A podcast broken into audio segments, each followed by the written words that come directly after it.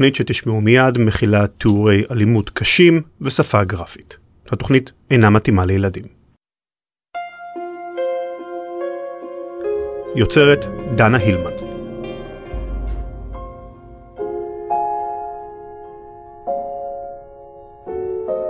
בין השביעי לעשירי בדצמבר שנת 2002, הציבור כולו בישראל היה עסוק בעיקר בשאלה אחת, איפה עוד היה קדם?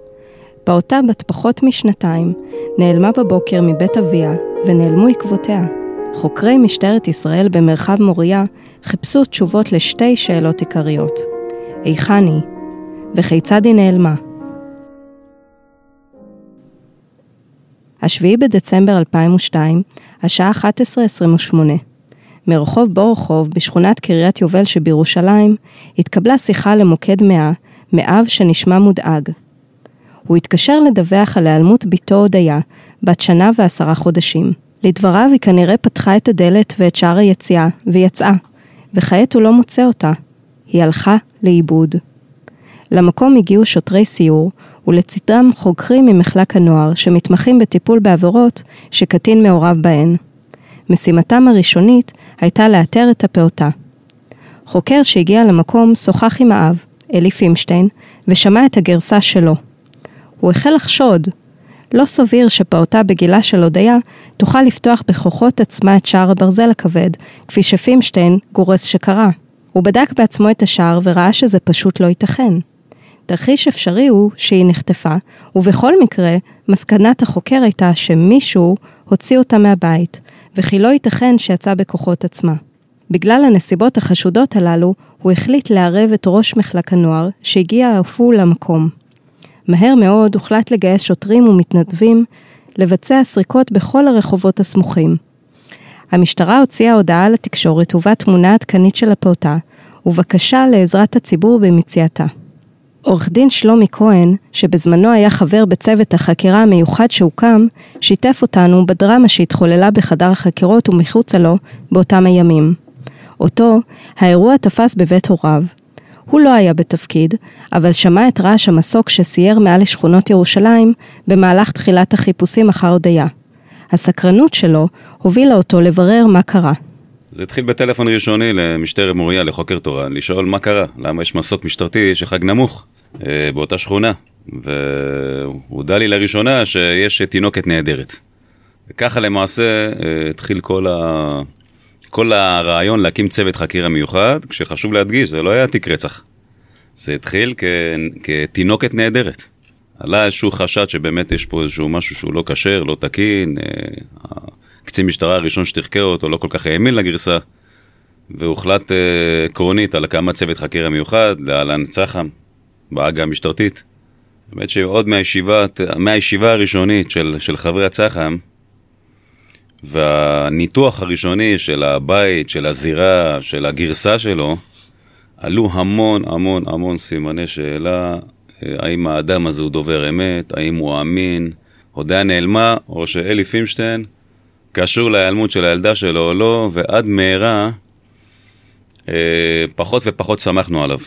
עוד מההיכרות הראשונית, מהמבטים הראשונים, משפת הגוף שלו, מסגנון הדיבור שלו, הוא שידר המון אי אמינות, הוא שידר המון משחק, הוא, שימר, הוא שידר המון מניפולציה. זה עוד, מה, עוד מהרגעים הראשונים שראיתי אה, את אלי פימשטיין לראשונה, אה, גם מהצד כשהסתכלתי עליו, גם מתשאול ראשוני, משיחות ראשונות, עוד לפני שבכלל הגדרנו אותו כסט, כסטטוס של חשוד בחקירה. ההתחלה הייתה נורא, המון ערפל היה בתחילת החקירה. זה לא אדם שבשנות ה-20 או ה-30 לחייו שיצא מהבית ו- ונראה לאחרונה לפני יומיים, ו- ואנחנו רגילים לכותרות האלה בתקשורת. זה תינוקת בת שנה ועשרה חודשים, שיצאה מהבית ובלעה אותה האדמה. המון המון דברים לא הגיוניים, אה, כמו למשל אה, בית כנסת בקרבת הבית, זה הייתה שבת בבוקר. ו... וזה שעה שיש תנועת מתפללים שיוצאים אה, בדיוק מתפילת השחרית של יום שבת. המון אנשים דתיים גרים ברדיו של הבית שלו, ברוחב 28 בקריית יובל. ולא היה הגיוני ש... שתינוקת בת שנה ועשרה חודשים פוסעת לאיטה ברחוב, ואף אדם לא רואה אותה ובלעה אותה אדמה. וכשאתה מתחיל לנתח את הגרסה שלו ואת העדות שלו ולחשוב קדימה, אה, הרבה נורות אדומות נדלקו, הרבה סימני שאלה. היה ברור מאוד שמחכה לנו אה, משימה מאוד מאוד לא פשוטה עם אלי פינשטיין, אה, חשוב להדגיש שזה אדם, הוא לא היה טיפש, הוא היה אדם משכיל, הוא אדם למד, היה לו תואר גם, הוא הוציא תואר של מהנדס באוניברסיטת בן גוריון, עד כמה שזכור לי אז. אה, וזה אדם שהיה לו כושר משחק מדהים, קור רוח, ואני גם חזרתי על המילה הזו דאז, קור רוח מקפיא בחדר החקירות, וזה התחיל פה איזשהו, עוד מהרגעים הראשונים, סוג של משחק בין חוקר לנחקר, עוד לא ברמה של חדר חקירות. לקראת הערב נאספו אלפי אנשים לסייע בחיפושים, חיפושים שנמשכו לתוך הלילה. המשטרה הפעילה נוהל בדיקה של כל הילדים שיצאו או יצאו מהארץ. כל רשומה של ילד היוצא מן הארץ נבדקה. החוקרים גם הריצו בדיקה של פדופילים באזור, בין אם משוחררים או בחופשה. בד בבד הוחלט לערב את השב"כ, לבדוק האם יש מודיעין על כוונה לחטיפה. האם הודיה נחטפה על רקע לאומני? אה, אין פדופיל בשכונה שלא נחקר, זה היה צוותי בילוש שפסחו מבית לבית. הוצאנו, אה, איך אומרים, חתך של פדופילים בתוך שכונת קריית יובל בירושלים, לבדוק אולי חס ושלום לא, לא, נחק, לא אה, נחטפה על ידי איזשהו פדופיל. תרחיש של תאונת דרכים, פגע וברח. בוחן תאונות דרכים היה במקום. בדק עם סימ- סימני צמיגים, איזשהו, איזשהו סימן של איזשהו זירת תאונה אה, בסמוך לבית. אה, אולי איזשהו מישהו דרס אותה, ואז פחד שהוא דרס ילדה וברח, העלים את הילדה, קבר אותה באיזה מקום, העלים אותה באיזה מקום. הימים, ימי האינתיפאדה השנייה. ירושלים הייתה במצב מתוח במיוחד. פיגועי התאבדות ומעשי טרור היו חלק מהמציאות הירושלמית באותם הימים. שנת 2002 הייתה שנת השיא של העימות, עם 53 פיגועי התאבדות ו-452 ישראלים שנרצחו במהלך השנה. בנסיבות הללו, החשודים הרגילים אצל הציבור היו הפלסטינאים, שהרי מי יכול להעלות בדעתו שלא להאמין לאב המודאג? כירושלמים למודי ניסיון, הנחנו שזה לא בלתי סביר שמדובר באירוע על רקע לאומני. אה, השב"כ נכנסו לתמונה מהר מאוד, פנינו לרכזי המודיעין של השב"כ כדי, כדי לבדוק אם הייתה פה איזושהי אה, אפשרות של תרחיש חטיפה על רקע לאומני. ולא היה מוכר לנו אז סוג של אירוע לאומני מסוג של חטיפת תינוקת ו- ורצח של תינוקת. התרגלנו יותר לאוטובוסים שמתפוצצים, מחבלים מתאבדים, מתאבדים, אירועי דקירה, אירועי ירי. אה, עד היום אני לא זכור לי אירוע כזה, אני הייתי במשטרה 16 שנים, היום אני עוד 10 שנים אה, פעיל בירושלים בכובע משפטי אחר, לא זכור לי אה, אירוע כזה של חטיפת אה, תינוק או תינוקת, ילד בגיל כזה, או ילדה, על רקע לאומני. בחזרה לגרסת האב. ביום שישי, יום לפני ההיעלמות, הוא אסף את הודיה מביתה של אמה, זוגתו לשעבר, רוני קדם. בשבת בבוקר הם שיחקו בחצר ולאחר מכן נכנסו לארוחת בוקר. אחר כך, הודיה ישבה מול הטלוויזיה, מול סרט שאהוב עליה, בזמן שפימשטיין היה בשירותים כמה דקות. מכונת הכביסה בחדר השירותים עבדה, ולכן הוא לא שמע דבר מהסלון. כשפימשטיין יצא מהשירותים לסלון, לדבריו, הודיה לא הייתה שם. הוא הבחין שהדלת מעט פתוחה, למרות שסגר אותה. הוא יצא לחצר, והבחין שגם שער החצר פתוח, למרות שהוא התעקש שהוא הותיר את השער סגור עם בריח. מבחינת החוקרים, ניתן לאמת רק את הנושא של איסוף הודיה מאימה ביום שישי, מול האם, רוני קדם. את כל שאר הפרטים שהוא מסר, אי אפשר לאמת. תוחקרו שכנים, ולדבריהם הם לא ראו ולא שמעו את הפעוטה, שזה מוזר ולא סביר, כי כשפעוט יוצא לבד ממקום מסוים, והיו מקרים כאלה, אנחנו מוצאים אותו משוטט, מטייל, הוא לא במצב של בריחה ולהיעלם ולהסתתר, ולכן זה מאוד לא התיישב עם גרסת האב, שהודיה יצאה לבדה. הם גם בדקו את החניה של רכבו של פימשטיין, ושמו לב שהרכב עומד מוזר. על המדרכה, ועקום. חניה מאוד לא מסודרת, נראה שמיהר והיה בלחץ כלשהו. וזאת, בניגוד לגרסתו, שהרדים את הודיה ברכב ביום שישי בנחת, ושמאז לא הזיז את הרכב. וזה עוד הצטרף למה שהוזכר קודם לכן, פתיחת השער הייתה קשה, ולמעשה, להערכת החוקרים, בלתי אפשרית עבור פעוטה בגילה של הודיה. פימשטיין חזר להשתלשלות העניינים בפני החוקרים. בשבת בבוקר הוא והודיה אכלו ארוחת בוקר בחצר, ואז נכנסו אל הבית. הוא סגר את הדלת, החליף לה חיתול, שם אותה מול סרט, צעצוע של סיפור. אבל בחיפוש לא נמצא שום חיתול. עוד עניין שלא מתיישב עם הגרסה שמסר. לאחר כל זה, צוות החקירה הסכימו ביניהם שיש פה כבר מספיק דברים שלא מסתדרים בגרסת האב, והוא נלקח לחקירה. אה, מי ברמה של בוא, תשחזר לנו מה אתה עשית באותם רגעים, איך עוד היה יצא מהבית, איך ילדה קטנה יושבת בסלון, מחליטה לפתע לצאת החוצה לבדה מהבית, בת שנה ועשרה חודשים, מה משך אותה החוצה? למה היא יצאה החוצה? בוא תראה לנו איך היא יצאה. הוא התעקש שהבריח של השער של החצר היה סגור. בוא תראה לנו. אדם מבוגר כמוני עושה טסט, מנסה לפתוח את השער של, ה... של, הגינה, של הגינה, הבריח של הגינה, קצת חלוד היה גם, ישן. קשה. אפילו פעולה לגבר אה, כמוני, קשה, לא פשוט. איך תינוקת בת שנה ועשרה חודשים הצליחה לפתוח את הבריח של השער ולצאת החוצה? זו שאלה שנשאלה בחקירה פעם אחר פעם אחר פעם. עשר שעות מתחילת האירוע, אלי פימשטיין נחקר, ואז נפתח חבילון לעובדות די מפתיעות. עלה שהוא כלל לא רצה בלידתה של הודיה. הוא ורוני קדם, אמה של הודיה, הכירו בחוג פנויים פנויות, שלוש שנים קודם להיעלמות. רוני קדם נכנסה להיריון לא מתוכנן, והחליטה להשאיר את העובר למורת רוחו של בן זוגה, אלי פימשטיין. הם נפרדו, אך גם לאחר הפרידה המתח ביניהם גבר, בשל אי הסכמות על גובה המזונות וזכויות הביקור. בחקירתו, פימשטיין היה רגוע וקר רוח באופן תמוה. החוקרים ציפו שיהיה נסער, שיתעצבן וידרוש שימצאו את ביתו. לא שישב בנחת ויענה על שאלות. פימשטיין לא נראה חרד במיוחד לגורל ביתו הפעוטה. בדיקה במחשב האישי של פימשטיין שנעשתה באותו הזמן, העלתה היסטוריית חיפוש מפוקפקת למדי, הכוללת מאמרים על גנבת זרע, אבהות ורעלים. בחקירה, פימשטיין למעשה חושף את מה שלימים מתברר כמניע. הוא מתחיל לספר את כל התקופה של ההיכרות ביניהם עד שנכנסה להיריון. הוא למעשה לא ידע שנכנסה להיריון. היא טענה שהיא לוקחת גלולות והוא חבוי ימין לה והיא נכנסה להיריון ו... ו... ובתקופת ההיריון הוא ניתק את הקשר לחלוטין. כשהגיע ל... לרגעים שלפני הלידה, לחודש תשיעי, הוא החליט שהוא כן מכיר בילדה. לאחר הלידה הם גרו בבית שלו ברחוב בורחוב 28 תקופה של חודשים אה, ספורים. הוא התנהג אה, לכאורה כאילו כאבא שכן רוצה להכיר בילדה ולגדל אותה. אה, רוני לאט לאט גילתה את היחס הקר שלו לילדה ואת זה שהולך להיות לה חיים לא פשוטים איתו ביחד תחת אותה קורת גג והיא החליטה שהיא מוציאה את הילדה והולכת ל...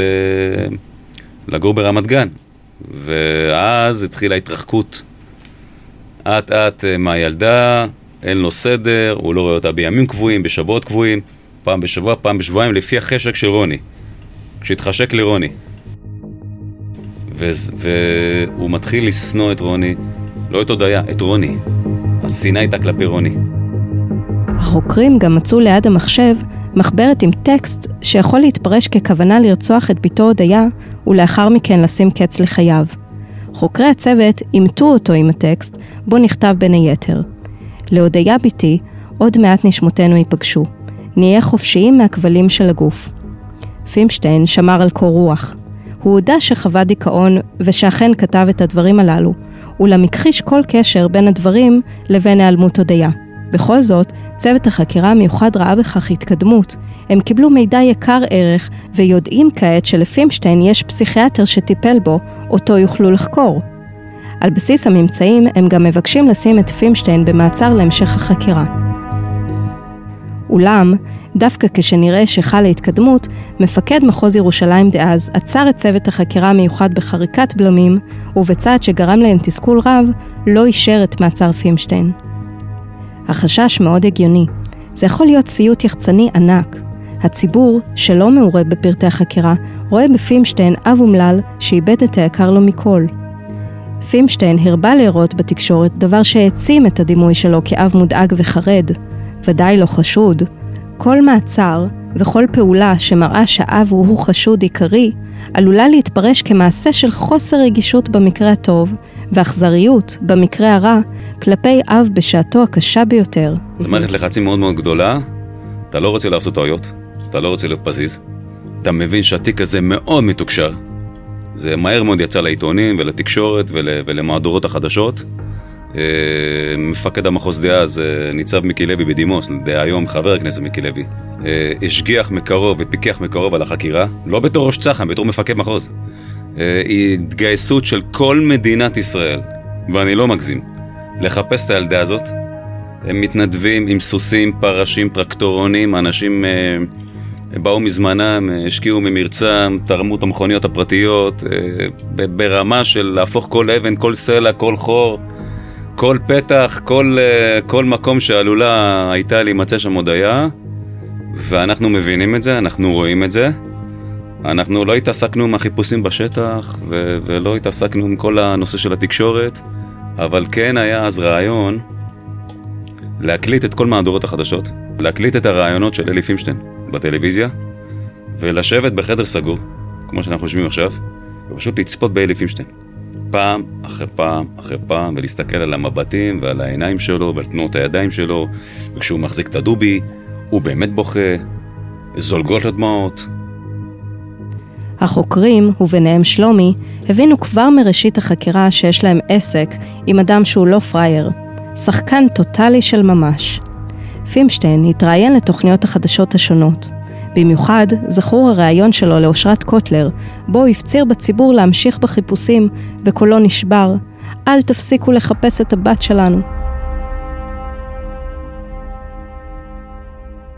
החוקרים חזרו להכין שיעורי בית, חתורי מוטיבציה אפילו יותר. הם החליטו על מעקב צמוד אחרי פימשטיין, בטוחים שכאדם חופשי הוא ודאי ימעד איכשהו ויפליל את עצמו. כל אותו הזמן נמשכו החיפושים, אלפי מתנדבים הגיעו לחפש את הודיה. המשטרה השקיעה משאבים עצומים והפכה כל אבן כדי למצוא את הפעוטה.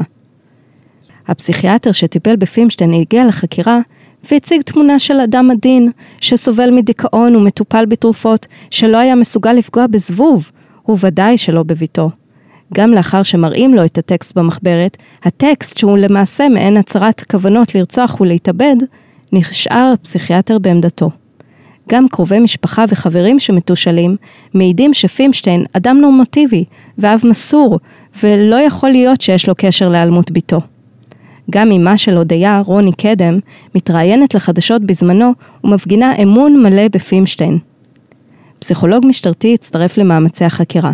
הוא טען שיכולים להיות מניעים אחרים לאלי פימשטיין לשקר, כמו למשל הרצון שלו להיות חכם מאחרים ולהפגין את עליונותו. ושעצם העובדה שהוא שיקר לחוקרים לא בהכרח מעידה על אשמתו ועל כך שהייתה לו יד בהיעלמות הודיה, אלא זה איזשהו פגם נפשי בפימשטיין. החוקרים ביקשו מפימשטיין לעבור בדיקת פוליגרף, ולהפתעתם, הוא הסכים.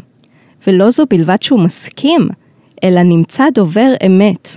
כלומר, עוד חיזוק לטענה שלא הייתה לו מעורבות בהיעלמות. הצח"א מצא את עצמו, צוות החקירה המיוחד מצא את עצמו אה, מהר מאוד אה, מבודד. חברים, מכרים, ידידים, משפחה, אחותו, הוריו, כולם, בלי יוצא מן הכלל.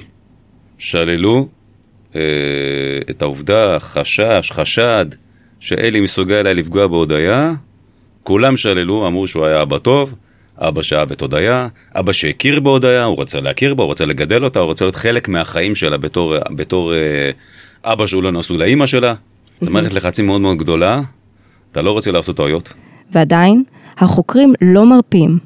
הם נשארים על הזנב של פימשטיין במעקב צמוד. ביום השני להיעלמות, אירעה התרחשות מוזרה. פימשטיין נסע עם חבר ליער ירושלים. השניים חיפשו משהו במשך כמה דקות, חזרו לרכב ונסעו משם. החוקרים קיבלו את המידע מחוקר שעקב אחריהם, ולא ידעו כיצד לעכל אותו בהתחלה.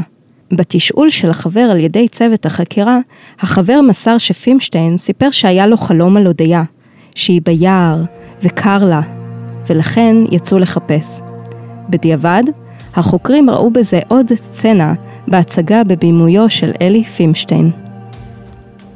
הוזכר מקודם הכיוון של רקע לאומני שאפף את החקירה בתחילתה. כיוון זה נשלל לחלוטין על ידי השב"כ. ולא זו בלבד, אלא הייתה זו עדותו של גנן פלסטיני שהיה במקום הנכון ובזמן הנכון, שהובילה את החוקרים לדעת גם היכן הודיה וגם מי אחראי למה שקרה לה.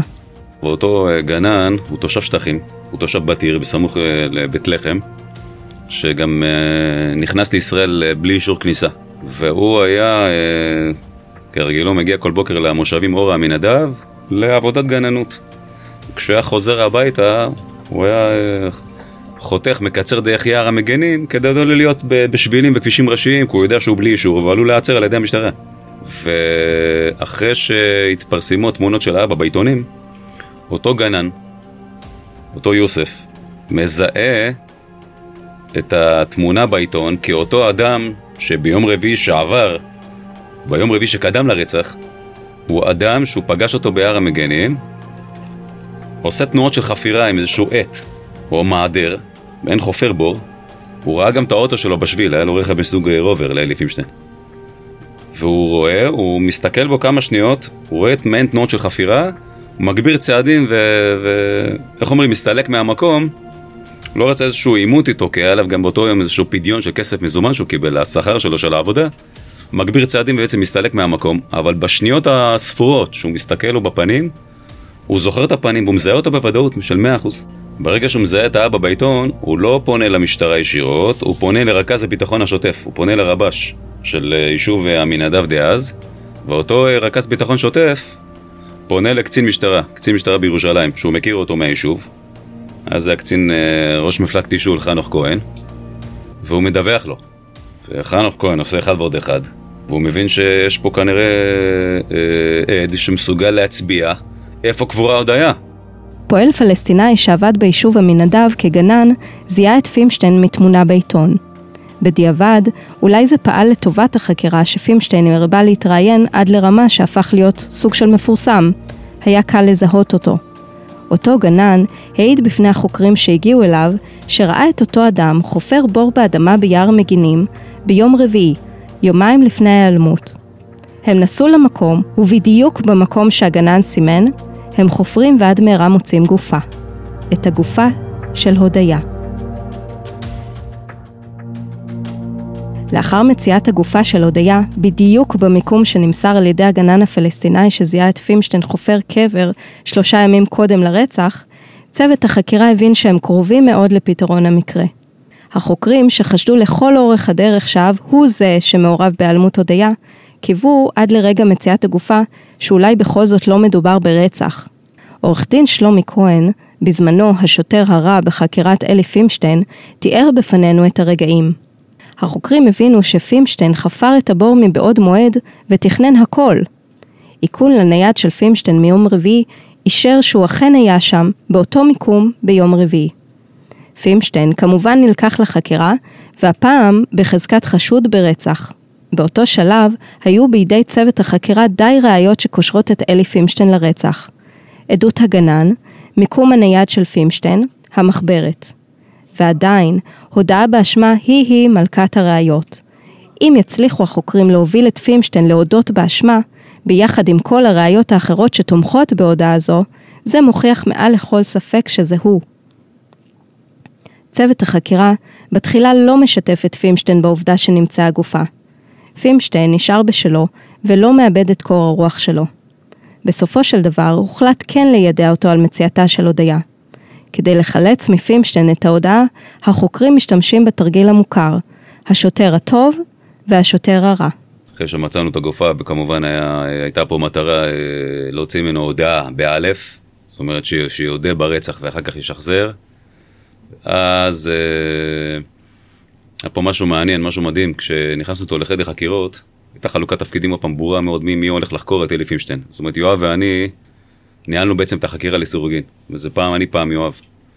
ומהתש... יואב, רק בוא נזכיר, זה יואב בר, יואב אה, בר... שמי שהיה בזמנו אה, ראש מחלק הנוער. ראש מחלק הנוער, הנוער במשטרת מוריה, היום הוא בבית ספר למשטרת ישראל, במלמ"ש המשטרתי לבית שמש, הוא עדיין במשטרה. יואב ואני, היה לנו אינטראקציה ושיתוף פעולה מדהים, גם בצוותי חקירה קודמים. והיה מאוד טבעי שאנחנו הולכים לעבוד ביחד גם בתיק הזה. והתיאום בינינו, הסנכרון בינינו בחדר חקירות, הוביל להמון הצלחות גם בתיקים קודמים. ויואב הוא יותר, אה, הוא גבוה כמוני, אבל הוא יותר כזה עדין, יותר רך כזה, יותר אבאי, ואני יש לי, שומעים את קולי, קול ככה נמוך, ואני גם יש לי דציבלים, וקצת מרימים דציבלים בחדר חקירות, זה קצת מבהיל, זה קצת מרתיע, ואני שוב מזכיר, זה אבא, מניפולטור, שרצח את ביתו בצורה האכזרית ביותר שאפשר להעלות על הדמיון, ומתראיין בתקשורת, וגם עומד בלחץ תקשורתי, כי גם התקשורת אה, מתיחה בו. אתה עכשיו חשוד, מה, איך אתה מרגיש, איך ההרגשה, הוא מחזיק את הדובי ביד, והוא משיב לאושרת קוטלר, או לרפי רשף.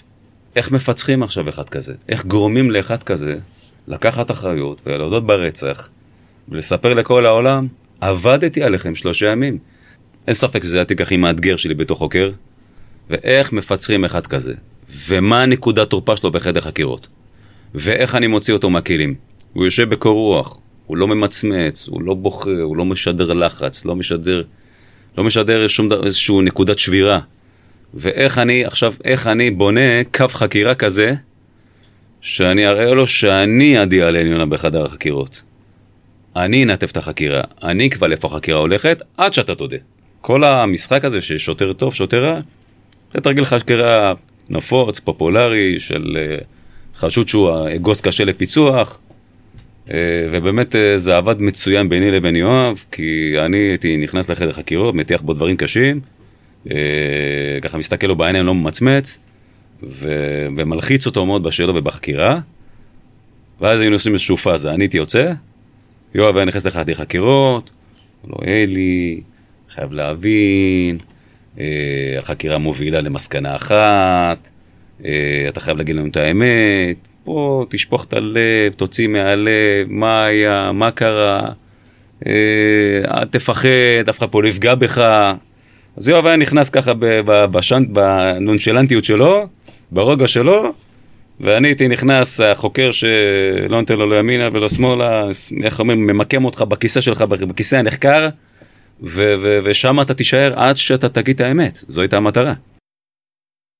במשך שעתיים שלוש הוא המשיך להכחיש, בשעות הראשונות.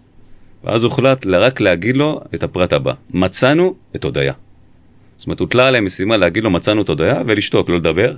לא להגיד באיזה מצב, לא להגיד איפה. לחשוף כלום, איפה מצאנו חיה, מתה, פצועה, חבולה, בריאה שלמה, שום דבר, כלום. ואני אה, יוצא מחדר החקירות, חוזר, מתיישב מולו, מסתכל לו בעיניים, הוא אומר לו, אלי, הוא מסתכל לי בעיניים, בלבן של העיניים, ואני אומר לו, מצאנו את הודיה. ואני שותק, ואני לא נושם. הוא מסתכל עליי, הוא שם את היד שלו על היד שלי, הוא אומר לי, באמת? אני אומר לו, כן.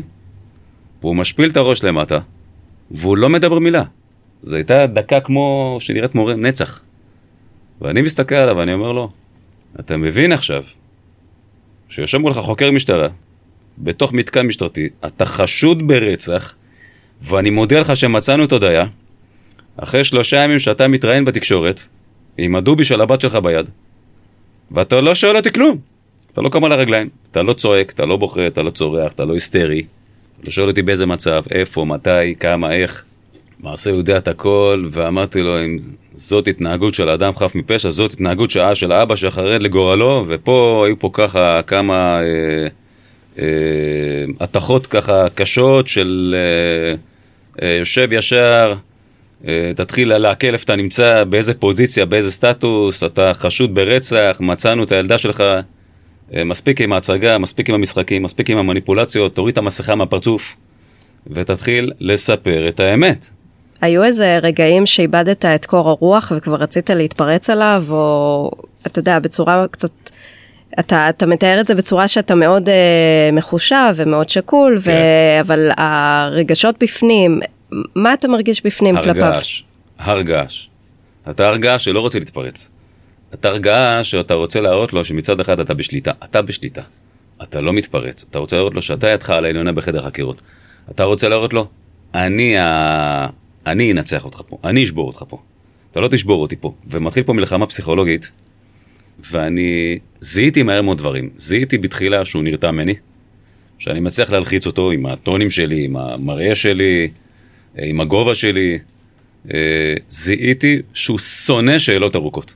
ופה הבנתי שאני יכול לשבור אותו. זה נקודת התורפה של אלי. הוא רוצה לדבר, הוא רוצה שייתנו לו זכות הדיבור, הוא מאוד אהב לדבר, אבל לא על התיק. השאלות הארוכות היו מוציאות אותו מהכלים. ופה חייכתי ככה, מין חיוך כזה בתת מודע שלי. עכשיו תענה על השאלה הבאה. ואני זוכר שניסחתי שאלה של איזה עשר שורות. אז באותה תקופה היינו כותבים את הידיעות. והייתה שאלה ככה ארוכה, מה אתה אומר על כך? ובעצם סיכמתי את כל הארבעה ימים בשאלה אחת. והוא פתאום מסתכל עליי ומאבד את הכלים ומאבד את העשתונות, והוא צועק לי, במין הרמת קול, תרשום, החוקר עושה לי מניפולציות, והחוקר מנסה להוציא אותי מהכלים, והחוקר מנסה לעבוד עליי, והחוקר מנסה להפיל אותי. ופתאום נכנסתי אני לאיזשהו סוג של אה, רוגע ו- ושליטה חזרה, ו- ו- וחיוך ככה בתת מודע, הבנתי, ככה הולך להיות הלילה, וזה יהיה הסגנון של החקירה, להתיש אותו בשאלות, להתיש אותו ולשבור אותו בשאלות, ולא לתת לו לימינה ולא שמאלה, אה, זה המגרש הביתי, איך, איך רציתי להגיד לו, אדון אלי פימשטיין, זה המגרש הביתי שלי, לא שלך. פימשטיין נותר מבוצר בהכחשותיו וסירב להודות. החקירה נמשכה והתמשכה עד לשעות הקטנות של הלילה, ללא הודעה באופק. המוטיבציה להודות הגיעה דווקא לאחר שהחקירה נעצרה. הוא משדר כאן המון סימני עייפות, ואז ניתנה הוראה באמת להפסיק את החקירה. והתוכנית הייתה אה, לעצור את 24 שעות, להביא אותו בפני שופט למחרת, ולהאריך את המעצר.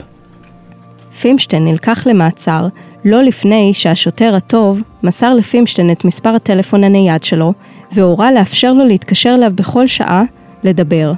אה, הוא יורד לבית המעצר, אה, כבר נקלט כעציר לכל דבר ועניין, ואז הוא מחליט, אה, הוא רואה פעם ראשונה מה זה מתקן אה, כליאה, מה זה מתקן מעצר במגרש הרוסי, וזה הייתה סוג של נקודת שבירה נוספת מבחינתו. אז הוא מחליט לבקש שייתנו לו להתקשר ליואב. אנחנו כבר, כולנו התפזרנו לבתים שלנו אחרי כמעט 24 שעות של עבודה רצופה. כולנו כבר מותשים ועייפים. והוא מתקשר ליואב מבית המעצר, והוא אומר ליואב, אני מוכן לספר לך מה היה ביום רביעי ומה היה ביום שבת. בטלפון לראש צוות החקירה יואב בר, פימשטיין הודה סוף סוף שהיה ביער המגינים. הוא מתחיל לתת את המניע בלילה, ואז גם אנחנו מתחילים להתמקד איתו על שני ימים באותו שבוע. יום רביעי ויום שבת. ביום רביעי, בשבוע שקדם לרצח, באותו, באותו שבוע, ארבעה ימים לפני הרצח, הוא מחליט אה, ללכת להרחיב את הקבר ביער המגינים, באותה נקודה שהוא קבר את הודיה.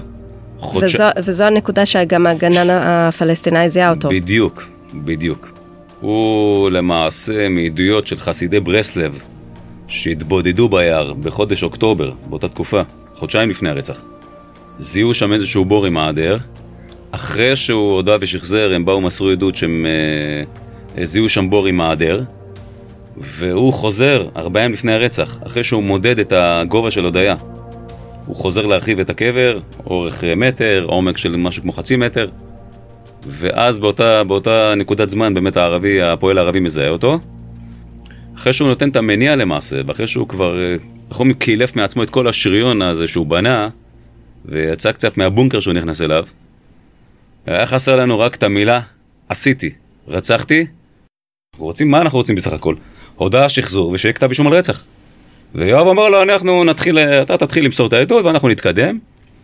מסיימים את החקירה אה, בתחנה, ויוצאים איתו מיד לשחזור. ובשחזור בעצם אתה זה שאזוק אליו. בשחזור אזוק לידי השמאלית, אני לא אשכח את השחזור הזה כל החיים שלי. אני יושב איתך עכשיו, ואני נכנס לרגעים של השחזור ממש. אנחנו יוצאים מהתחנה, היה סדר כרונולוגי. קודם כל יוצאים לבית שלו ברחוב בוכוב 28, זה זירת הרצח, ושם ממשיכים לאתר השני, זה, שזה, שם זה הקבורה של הודיה. אה, אנחנו מלווים עם המון אנשי משטרה, גם אבטחה, כדי שהציבור לא, לא יהיה איזשהו אה, אקט של אה, פגיעה בו על ידי אזרח. זה כבר, התפר, זה כבר התפרסם מהר מאוד, התקשורת עשתה אז עבודה טובה, כבר חיכו לנו אין סוף צלמים ותקשורת ליד הבית שלו ברחוב בוכוב. היה ליווי משטרתי מאוד גדול, כאשר השחזור אמור להתבצע בצורה הכי מקצועית שיש. אני כבול אליו, יואב ואני לסירוגין שואלים שאלות, צלם, שקט, דממה, ושואלים, והוא עונה תשובות. אנחנו נכנסים לתוך הבית שלו, הוא מוביל אותנו לאמבטיה שם, בתוך הבית. הוא מספר סיפור שהודיה התעוררה בבוקר, אה, כדי לטשטש את, ה... את, ה... את המעורבות שלו ברצח. מחליטים להתקשר לרוני האימא, אה, אה, הודיה משאירה לאיזשהו אה, בוקר טוב כזה במענה הקולי שלה, בהודעה הקולית, שומעים את זה, גם השמיעו את זה בחדשות לא מעט. והוא מספר שהיא אכלה ארוחת בוקר, הוא שאל אותה אם היא רוצה ללכת לגן חיות, אז היא אמרה לו שכן. והוא אמר לה, טוב, בואי נעשה אמבטיה לפני שנצא לגן חיות, והוא מפשיט אותה, עירומה לגמרי. כאילו הולך לקלח אותה באמת, הוא ממלא את האמבטיה במים חמים בטמפרטורה של מקלחת, משהו כמו חצי אמבט, הוא מכניס את הודיה, ובאותם רגעים אנחנו עומדים בתוך האמבטיה, אה, שקט דממה, והוא מתאר את האקט של, ה... את האקט של, ה... של הרצח. ביקשנו ממנו שישתמש בבובה, הוא לא הסכים. ביקשנו שימלא את האמבטיה במים, לאותו גובה שהוא מילא אז, הוא לא הסכים, הוא רק אמר, טמפרטורה של מים חמים, הוא הצביע עם היד את הגובה של, ה... של מפלס המים, במפלס מים כזה שיספיק בשביל להטביע את הודיה. ותוך כדי שהודיה יושבת, והוא מדבר איתה, הוא אומר, ואני מצטט, הגעתי לנקודת האל-חזור, והחלטתי שאני עושה את זה. ואז הוא טוען שהוא שם את שתי ידיו בעוצמה חזקה מאוד על החזה של הודיה, הוא בעצם מצמיד אותה לקרקעית המים. וכשהוא עשה, כשהוא, כשהוא תיאר את זה, הוא התכופף, והוא עושה את התנועה של, ה, של ההטבעה, והוא מושך אותי יחד איתו, ואני גבר גדול ו, וחסון, ו, והוא פשוט הוריד את קולי כלפי מטה. גם הכאיב לי, כי אני קשור אליו באזיקים. והוא מתאר את ההטבעה, הוא אומר שהוא החזיק אותה ככה כמה רגעים ספורים מתחת למים, ואני מנסה עכשיו לשחזר מה באמת עבר לנו במוח של אותן שניות, של לדמיין את הילדה הזו מתחת למים, והוא אומר, הוא אומר, היא מפרכסת, והיא מתפתלת, והיא נחנקת לאט לאט, והוא גם מתאר גם, גם את החנק שלה, ואת ההטבעה שלה. זה היה שנת 2002, להבדיל מיליון הבדלות. הבן שלי האמצעי היום, הוא אז היה בן שנתיים, הוא יליד 2000, ופשוט אי אפשר, אי אפשר לתאר את, ה, את, ה, את, את הסערת הרגשות ואת מה שהלך לי בתוך, ה, בתוך המוח, בתוך הראש באותו רגע. האנשים עמדו שם בהלם מוחלט, אנשים היו פעורי פה, אני מדבר על אנשי חקירות מאוד מאוד ותיקים, היו הרבה יותר ותיקים ממני שם גם, קציני חקירות גם ותיקים מאוד, שחקרו כמה מקרי רצח בחיים שלהם, ופשוט כולם עמדו שם פעורי פה, מזועזעים. אפשר היה לחתוך את ה... את ה, את ה איך אומרים? את, ה, את המתח בסכין באותן שניות. אה, אני יכול להגיד אה, שאיש משטרה מסוים אז, מרוב שהוא היה מזועזע ו, ו, ובהלם מה, מהתיאורים המזוויעים, הוא אמר לי אחר כך, ככה בלחש באוזן, אני דמיינתי את עצמי מוציא נשק ויורה לכדור בראש. זה המשפט של שוטר שהיה בזירה אז באותו רגע. ואני הרגשתי שכל מה שראיתי בסרטים וכל הניסיון המשטרתי שלי וכל הניסיון החקירתי שלי וכל עבודת השטח שקדמה לחקירות לא הכינה אותי לרגע הזה. אני גם אני עמדתי בשוק מוחלט, בהלם, כמובן שזה מצולם ואנחנו צריכים לעמוד אני ויואב ולעמוד, איך אומרים? לעמוד איתן ו... ותוך כדי השחזור מתגלים המון המון פרטים שעדיין לא ידענו עליהם. לדוגמה, הוא אומר, אחרי שווידאתי שכבר הודיה לא זזה והיא מתה, הוצאתי אותה מהאמבטיה והלבשתי אותה. בדיעבד מסתבר, הוא הלביש אותה באותם בגדים, שהייתה לפני זה לבושה, והוא שם לה את הנעליים הפוך, נעל של רגל ימין על שמאל ולהפך. הוא לא שם לב לזה, הוא לא ידע את זה. מרוב החיפזון להלביש אותה וללכת לקבור אותה ביער המגנים, זה פרט שבדיעבד אה, נודע לנו כשהוצאנו אותה מהקבר, אז זה פרט שכמובן אה, שמרנו אותו כאיזשהו קלף, לדעת אם באמת אם הוא זוכר את זה, זה היה בכוונה או שזה לא בכוונה, כי זה נקרא פרט מוכמן, זה, זה פחם בחקירה. אה, ואימתנו אותו את זה, אחר כך שאלנו אותו, אתה שמת לב שהנעליים הופכות אותו? אז הוא אמר שלא. מהחיפזון, הוצאתי אותה מהאמבטיה, לקחתי תיק צ'ימידן גדול, הכנסתי אותה לתוך הצ'ימידן עם כלי חפירה, ופשוט לקחתי אותה לקבור אותה מה, מהבית ישירות להר המגנים. ואנחנו יוצאים מהבית ונעים לכיוון יער המגנים, והוא מוביל אותנו לנקודה שבה הוא קבר את הודיה, וזו אותה נקודה בדיוק שהרבי הצביע, אה, הוא זכר בדיוק איפה הנקודה, ו... ושם אנחנו עומדים אה, מעל הקבר וממשיכים לשאול אותו שאלות, ואני לא, אני, קשה לי מאוד עכשיו להסביר למה.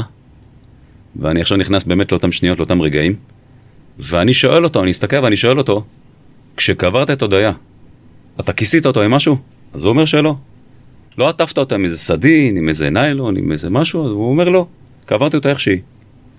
ואני אומר לו, העיניים שלה, בזמן שקברת אותה, היו פתוחות או סגורות? עכשיו, כשאני חושב על זה, אני לא יודע למה שאלתי את זה. כי כשהוצאנו את הודיה, היא הייתה אה, כמו, כמו מצב שהיא ישנה, אה, אני זוכר את פרופסור ריס, ככה פותח לה את העפעפיים לראות אה, תוך כדי הבדיקה של הבדיקה הראשונית, להבין את סיבת המוות, והוא מסתכל עליי, הוא מסתכל על יואב במין מבט כזה, והוא אומר ליואב כאילו, תוריד את שלומי ממני, שיפסיק עם השאלות האלה. ויואב מסתכל ככה ואומר לו, תענה לשלומי. ואני אומר לו, אני שואל אותך עוד הפעם, העיניים היו פקוחות או סגורות? והוא אומר לי, אני לא זוכר. עד עכשיו, חלפו 16 שנים, עוד מעט 16 שנים, 15 שנים ופלוס, אני לא יודע למה שאלתי את השאלה הזאתי. זה או היה קשור לזה שידעתם עד רמת הזיכרון שלו ורמת ההבנה שלו, רמת הידיעה, אם באמת הוא הבין את האכזריות שבמעשה שלו, או שהוא באמת, אה, או, ש, או שבאמת אני, אני, אה, היה לי איזשהו רצון באמת לפענח את, את, את הטירוף שאחז בו, את האכזריות שלו, שבכל זאת הוא, הוא קבר כאן תינוקת, זה הבת שלך. נניח ורצית לרצוח אותה, למה לא עטפת אותה, למה לא... כל מיני ש... מערבול של שאלות שרצו לי בראש באותן שניות, וכל זה רוכז בשאלה הספציפית הזאת, העיניים היו פתוחות או סגורות, הוא לא זכר, הוא לא יודע להשיב לי. הסתיימה החקירה. לכאורה, הסתיימה עבודת החוקרים על התיק, אבל שלומי גילה עד מהרה שאלי פימשטיין לא בדיוק סיים איתם. אה, והיה דבר מדהים לאחר מכן. אחרי שכבר הודה ושחזר, ולפחות התפוגג המתח חקירתי במערכת היחסים של, של חוקרים שנחקר, ישבנו איתו ב, בתוך חדר החקירות כולנו, או במחלק הנוער נדמה לי, והוא חילק ציונים לכולנו. הוא ישב עם כולנו, ואתה היית, אתה אה, היית שחקן גדול, אתה היית קשוח, אתה היית מניפולטור, אתה בכלל לא ספרתי אותך. כל מיני, כל מיני ציונים הוא נתן למישהו, למי שבמשך הלילה, ככה נכנס לחדר חקירות לכמה רגעים, ונסה לעשות לו איזשהו תרגיל, אחד נכנס ואמר לו, עברת התעללו בילדות, אנחנו יודעים שעברת איזשהו טראומה, אה, לא סתם עשית את המעשה הזה, הוא זלזל ברוב, ברוב האנשים שניסו קצת ככה לעשות לו קצת תרגילי חקירה, היחידים ש... שהוא באמת חשבן להם והעריך אותם בעין בתוך חוקרים, זה יואב ואני. לא שאני טופח לעצמי על השכם, אבל אנחנו הבנו ש, שאנחנו האלה שהוא באמת אה, אה, עשה להם כבוד, נקרא להם ככה, כבוד חקירתי, כבוד של חוקרים.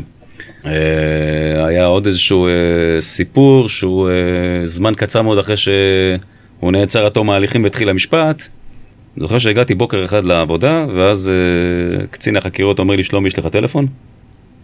ואני עונה, והוא אומר לי, שלומי זה אלי. ואני ככה חוטף צמרמורת, ואני אומר לו, איזה אלי? הוא אומר לי, אלי פימשטיין. ואני אומר לו, מה אתה רוצה? ואני די בהלם. והוא אומר לי, תשמע, אני הבנתי שאתה טיפלת בכל המוצגים וכל התמונות שתפסתי מהבית שלי. בזמן החיפוש, תפסנו לו המון אה, מוצגים, ובין היתר גם תמונות של הודיה. והוא מבקש שתהיה לו מזכרת מהודיה, הוא רוצה תמונה. ואמרתי לו, על גופתי המתה תקבל תמונה, וזאת הפעם האחרונה שאתה מתקשר אליי ובכלל חושב לבקש דבר כזה. וכולי שוב בסערת רגשות, ומתקשר לפרקליטה שטיפלה בתיק, עירית באום-אורן, היום היא גם סנגורית פלילית, ואמרתי לה, עירית, אוי ואבוי לכם מה נשמע, שאלי פימשטיין קיבל תמונה של הודיה. ובאמת הפרקליטות נערכים, והסנגור של הודיה אז מגיש בקשה לבית משפט לבקש אה, תמונה של הודיה, כמזכרת שלו. וכמובן הפרקליטות מתנגדים, ובית משפט אה, בסוף אה, לא אישר לו. פימשטיין הואשם ברצח, במשפט טען להגנת אי שפיות. הגנת אי שפיות זה לטעון שבזמן ביצוע מעשה הוא אמנם ביצע אותו, אך בשל מחלה שפגעה ברוחו בשל ליקוי בכושרו השכלי, לא יכול היה, א', להבין מה הוא עושה ומה פסול במה שהוא עושה. כלומר, בשל אותו מצב נפשי או ליקוי שכלי, מדובר באדם שלא יכול להבחין בין רע לטוב, תודעה לא מפותחת, כמו של ילד. ב', הוא לא יכול היה להימנע מהמעשה, אותו מצב נפשי או ליקוי שכלי ממש כפו עליו את המעשה, וברור שאם לא היה לו את אותו מצב או ליקוי, הוא לא היה עושה את מה שעשה. לא ברור בדיוק מה זה אומר מחלה שפגעה ברוחו או ליקוי שכלי. זה מאוד נתון לפרשנות. ולראיה, כמות הטענות להגנת אי שפיות בארץ. נדבר על כך בתוכנית אחרת. פימשטיין כלל לא הביע חרטה על רצח, וכל התנהלותו הייתה מניפולטיבית ומלאת סתירות.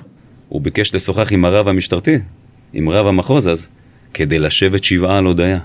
והרב המשטרתי מגיע אלינו, ומתיישב איתו עשר דקות בחדר, ואומר לו, תקשיב, כדי לשבת שבעה על הבת שלך, קודם כל אתה צריך להצטער, לבקש סליחה, להבין מה עשית, ולהביע חרטה. הוא אומר לו, בשום פנים ואופן, אני לא מביע שום חרטה. המעשה שעשיתי היה מעשה צודק. הרב משאיר לו שם ספר תהילים קטן בכיפה, יוצא מהחדר בכעס, ואומר לי בתרעומת, שלומי, שלא תקרא לי לבו יותר. זאת הפעם האחרונה שאתה קורא לי לדבר עם, ה... עם הדבר הזה. פימשטיין טען במהלך המשפט שסבל מדיכאון עמוק ושזה הוביל אותו למחשבות על התאבדות. הדיכאון החריף עקב הסכסוך הכספי עם רוני קדם, אמה של הודיה, על נושא המזונות. האיומים והנתק מהודיה החריפו את המצב הנפשי. ואז לכל זה התלווה גם כעס בלתי נסבל. הוא רצה לפגוע ברוני. פרט נוסף שהימם אותנו ברגעים שבה עמדנו באמבטיה, במהלך השחזור, יואב ואני, אה, יואב שאל אותו איזושהי שאלה, משהו כמו האם היו מקרים נוספים שקשורים למקרה הזה. זה פחות או יותר היה הסגנון של השאלה.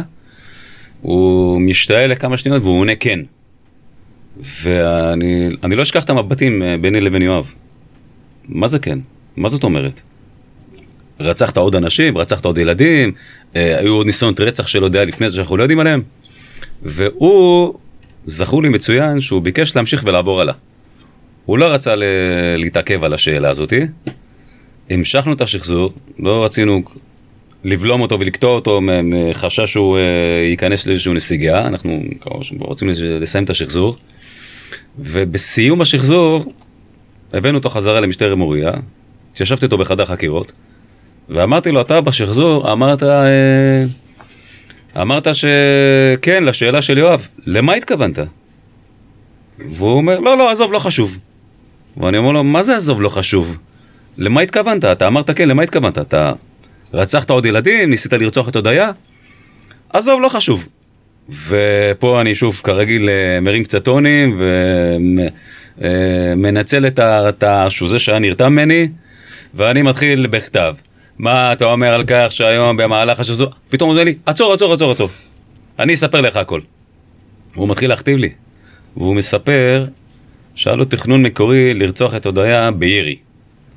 ואז הוא מספר שהוא לא ראה את הודיה במשך שלושה שבועות רצוף, והוא נורא רצה לראות את הודיה, ושקע במעין דיכאון, והוא היה בשירות מילואים, והוא היה אמור לסיים את השירות ולהחזיר נשק, נשק מסוג אה, M16, הוא החליט להישאר עם הנשק עוד יום אחד, ולהתמהמה כדי שיהיה לו אה, כלי ירי לרצוח את הודיה.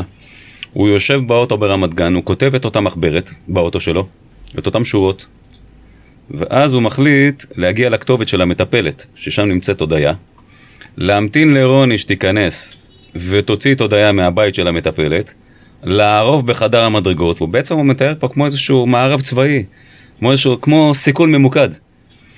התכנון המקורי היה כזה, הוא יכוון את הנשק על הראש של הודיה, הוא יירה כדור אחד, הוא ירצח את הודיה, יחסל אותה כשהיא נמצאת על הזרועות של רוני, ואחר כך הוא יירה כדור במפרקים של הידיים והרגליים של רוני, לא כדי להרוג אותה, אלא אני מצטט מהחקירה, כדי לגרום לה סבל חבל על הזמן.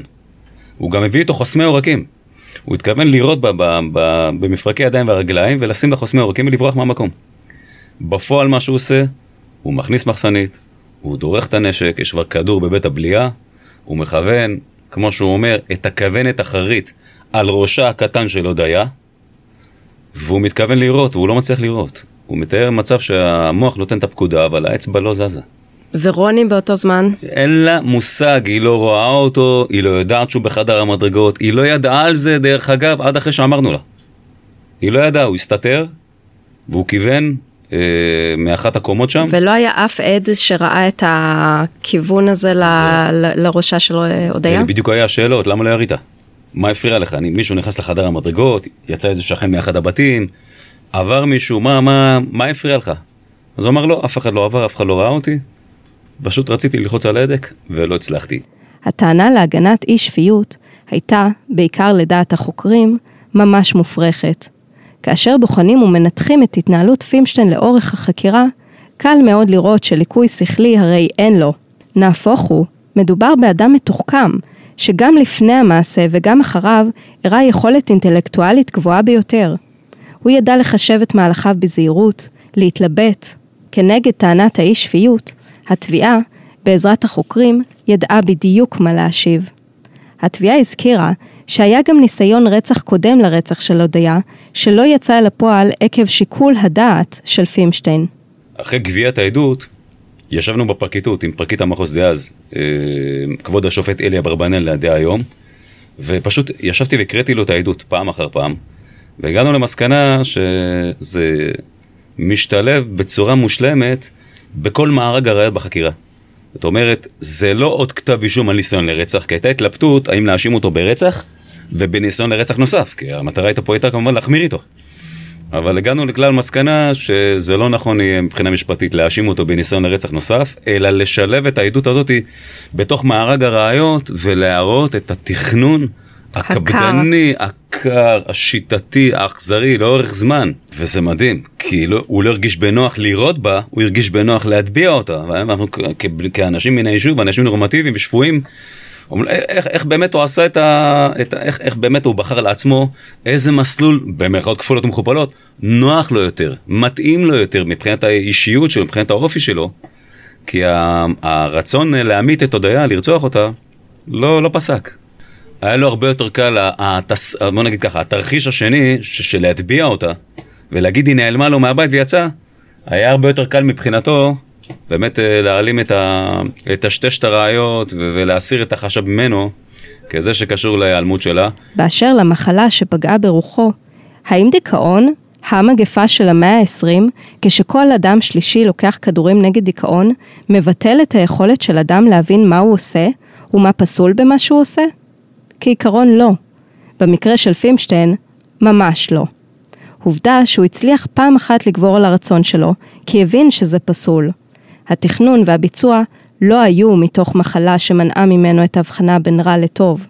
הוא הבין היטב שהוא עושה מעשה פסול, ופעל ככל שיכל כדי להסתיר אותו. ואכן, טענתו להגנת אי שפיות נדחתה. הוא נידון למאסר עולם ביולי 2004, עונש אותו הוא מרצה גם כעת. לפימשטיין לא היה קל להתאקלם לשינוי מנחקר לאסיר. הוא ניסה להתאבד, ככל שזכור לי אז. הוא uh, עבר ממגרש הרוסים למתקן כליאה אחר, נדמה לי כלא מעשיהו. והמעבר הזה מבית המעצר לבית סוהר, זו הייתה עוד נקודת שבירה. Uh, הוא ניסה לתלות את עצמו בתוך תא המעצר. סוהר ראה אותו תלוי והציל את חייו. והוא פונה לבית חולים לקבלת טיפול רפואי. ובבית החולים הייתה איזה גברת, מבוגרת, שזיהתה אותו, שזה האבא שרצח את הבת שלו. ונתן לו שם סטירה מצלצלת. ורצו לעצור אותה, לחקור אותה ויפתח לו תיק על תקיפה. והוא אמר, אני לא רוצה להתלונן, מגיע לי. אל תעשו לה כלום, אל תחקרו אותה, תשחררו אותה לדרכה, אה, מגיע לי.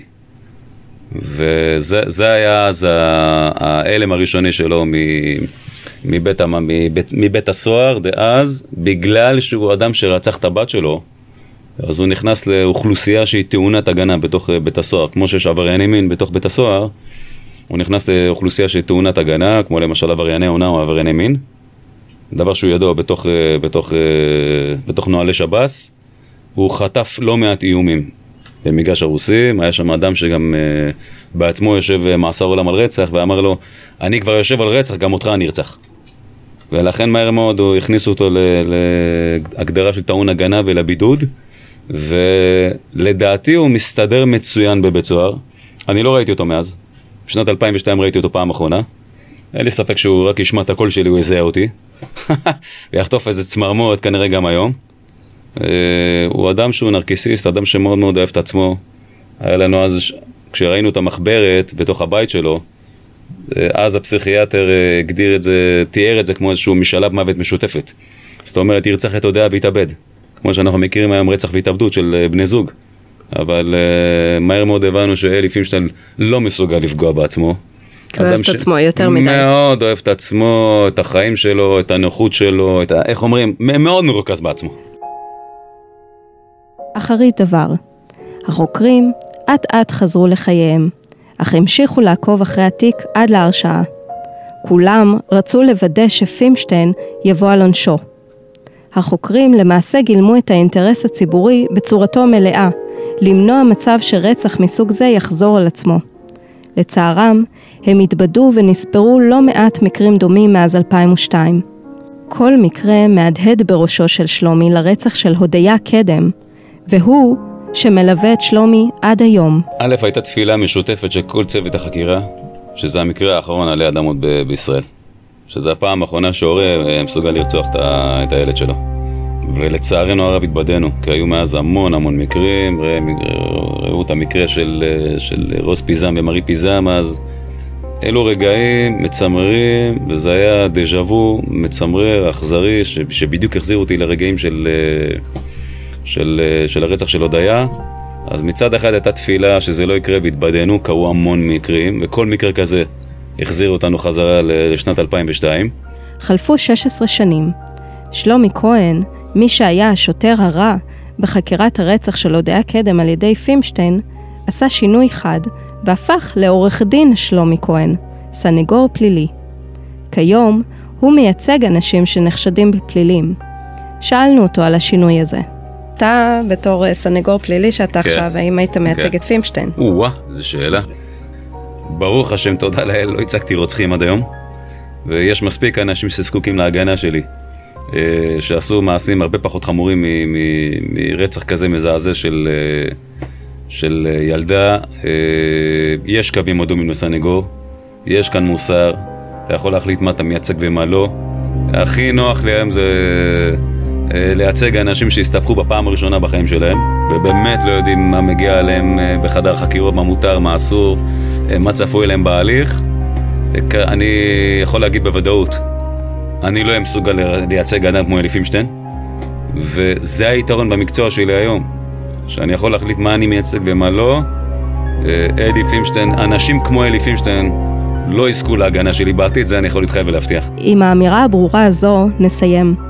אני דנה אילמן, מאחלת המשך יום צודק לכם. נתראה בתוכנית הבאה, בתיק הפשע הבא.